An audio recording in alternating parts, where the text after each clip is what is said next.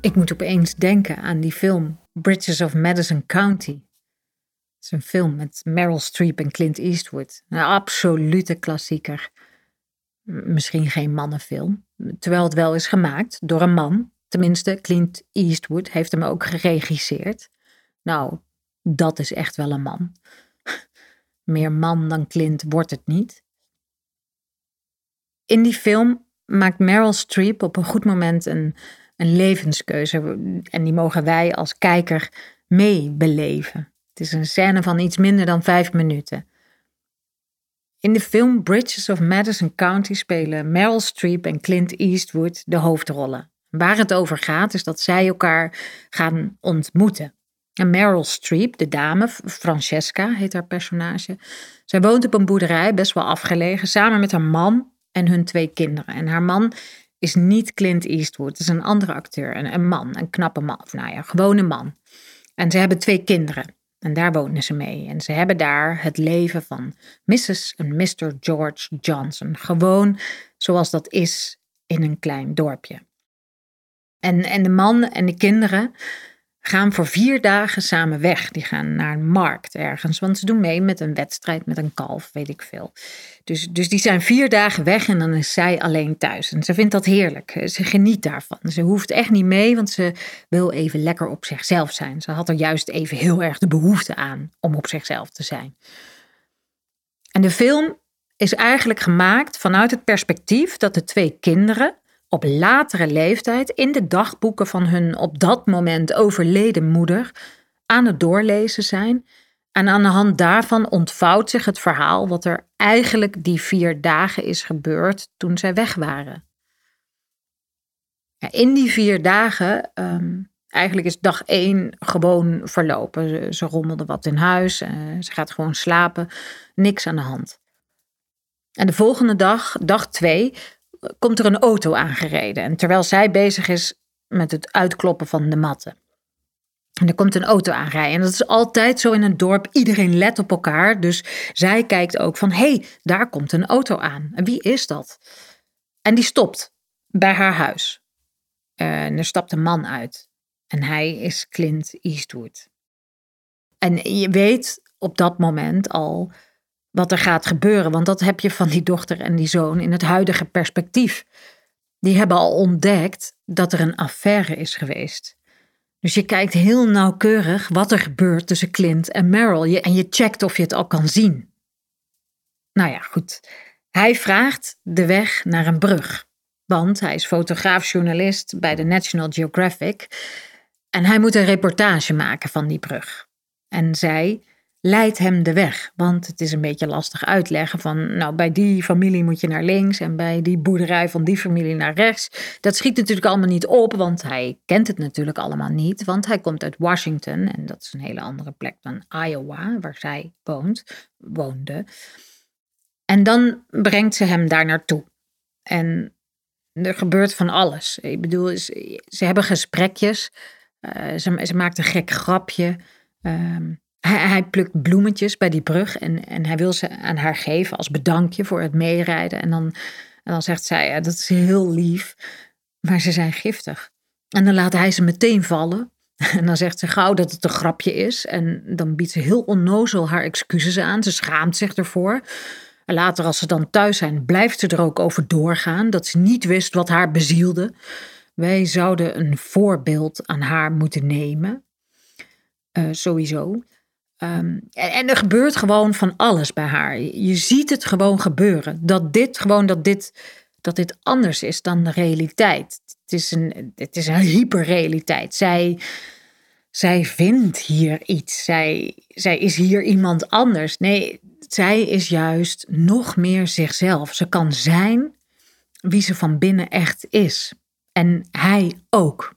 En hij doet leuk maar ook weer niet zo leuk, want hij weet, ze is getrouwd en hij is gescheiden. En dat is al vrij snel duidelijk. Ja, goed, ze gaan dus op een gegeven moment terug van die brug. Ice tea, zegt ze. Wil je ice tea? Nou, ze gaan ice tea drinken, ze praten en ze lachen wat. En, en zij maakt dan een soort sleutelmoment met de vraag: Wil je blijven eten? Ja, omdat je weet waar dat naartoe gaat natuurlijk. Maar dan, na het eten, gaat hij toch weg. Dan is er nog niks gebeurd, uh, fysiek. En dan s'avonds laat, dan zie je haar uh, in haar ochtendjasje op de veranda staan. En dan gooit ze dat jasje open om, ja, om de wind te voelen. En dan schrijft ze een briefje. Luister, kom bij me eten. Maakt niet uit hoe laat je er bent. En dan hangt ze dat bij die brug. Want daar zou hij dan de volgende dag gaan fotograferen. Want die middag had hij alleen nog maar een voorstudie gedaan. En hij vindt dat briefje. En hij belt haar op.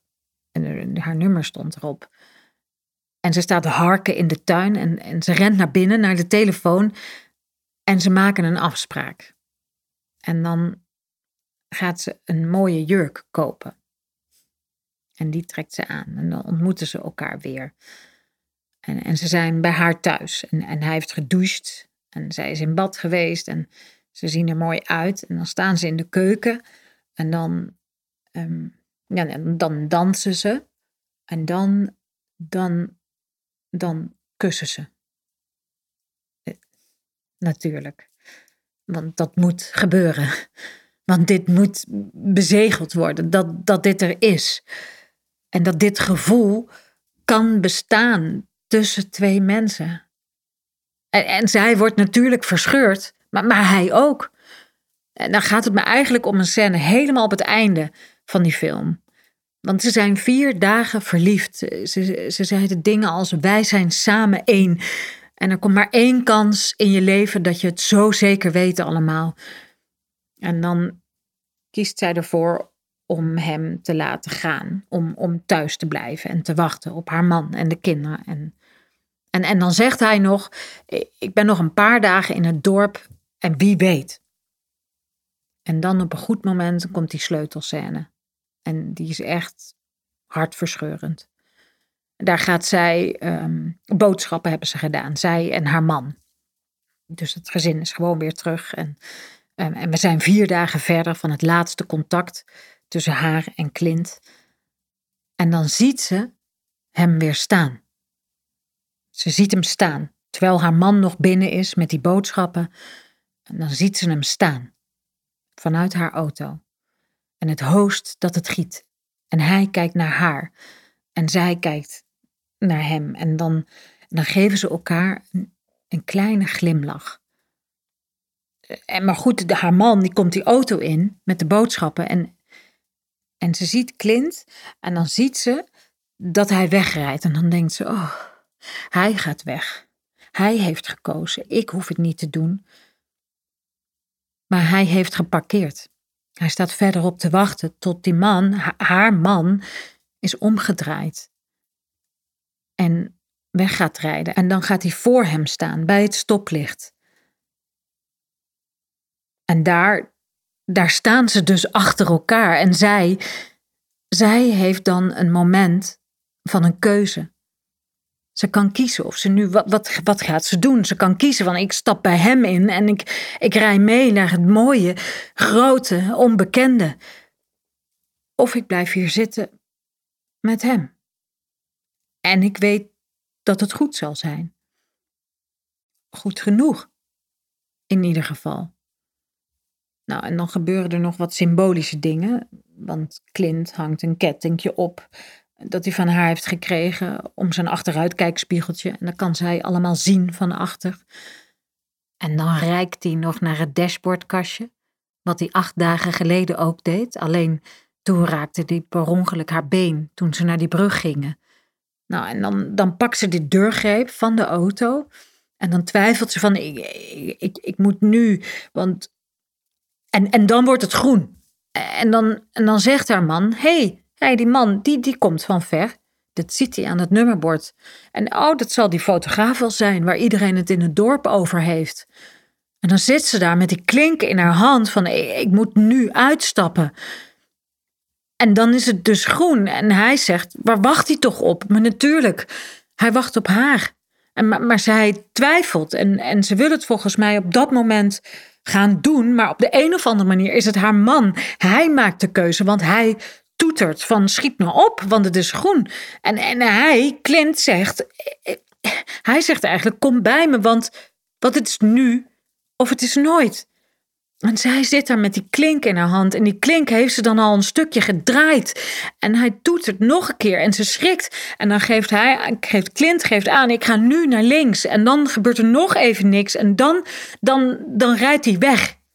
En, en dan, dan, dan scheurt zij ja, zij, zij valt uiteen. Zij scheurt gewoon uiteen. Zij, zij is niet met hem meegegaan. Zij is blijven zitten waar ze zat, bij haar man.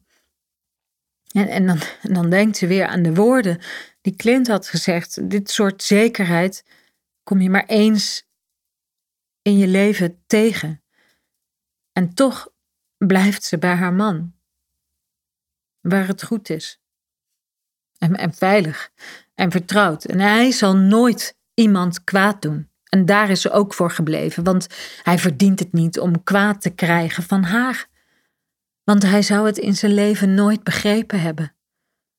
Waarom zij is weggegaan bij hem. En die kinderen zouden het niet kunnen verdragen. Hoe ze in het dorp erover zouden spreken. En dan huilt ze heel erg. En haar man, die ziet dat. En dan vraagt hij: Wat is er? Gaat het wel? En dan zegt zij: Laat me maar even. En hij laat het ook.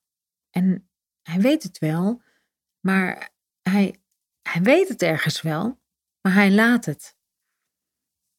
En op zijn sterfbed later zegt hij nog: Het spijt me. Ik, ik weet dat je dromen had en ik weet dat ik die niet heb kunnen waarmaken voor je. Hij weet het wel. Maar hij houdt zoveel van haar. En dat is ook goed. En dan gaat hij dood. En dan gaat ze Clint zoeken. Maar ze kan hem niet meer vinden. Want hij werkt natuurlijk niet meer bij de National Geographic, want hij is ook oud. En zij is ook oud. En, en dan ontvangt ze nog een doos, een kist van hem met de post van zijn advocaat, want hij is dood. En daar zitten dan allemaal heel symbolische dingen in. Hij heeft een boek geschreven, omdat zij had gezegd in die vier dagen: Je moet gaan schrijven, want je hebt zo mooie verhalen. En dat boek gaat natuurlijk over die vier dagen met haar. En dan nog een aantal mooie foto's die hij van haar heeft genomen bij die brug en in de kist. En dan op een gegeven moment is zij dus ook dood. Want iedereen is dan dood. En dan, dan, dan vinden die kinderen ook die kist. En dan eerst hadden ze natuurlijk helemaal geen begrip, want Jezus' mama had een affaire, wat ordinair. En dan na al die dagboeken, dan snappen ze het natuurlijk. En dan moeten ze natuurlijk ook bij zichzelf te raden gaan van, doe ik het wel goed? Ben ik wel bij de juiste persoon? En dan gaan ze die as, omdat ze dat zo wilden, gecremeerd worden, die as gaan ze verspreiden bij die brug, bij Clint. Want hij is daar ook verspreid. Dat wist ze van die advocaat. Terwijl haar man eigenlijk al twee graven had gekocht om samen met haar begraven te worden. En dat is dan het einde van die film, dat die as verspreid wordt. En dat is heel betekenisvol, want in die brief die ze heeft geschreven aan haar kinderen om alles uit te leggen, schrijft ze ook: Ik heb mijn leven aan mijn man en mijn kinderen gegeven. En de rest van wat er over is, wil ik graag aan Robert geven. Zo heet Clint in die film. Zij heeft zichzelf geofferd. Daar komt het dan op neer, op dat offer. Keuzes die je hebt, maak je meestal niet. Het leven stuurt en duwt je eigenlijk maar een beetje vooruit. En dan blijf je gewoon zitten waar je zit.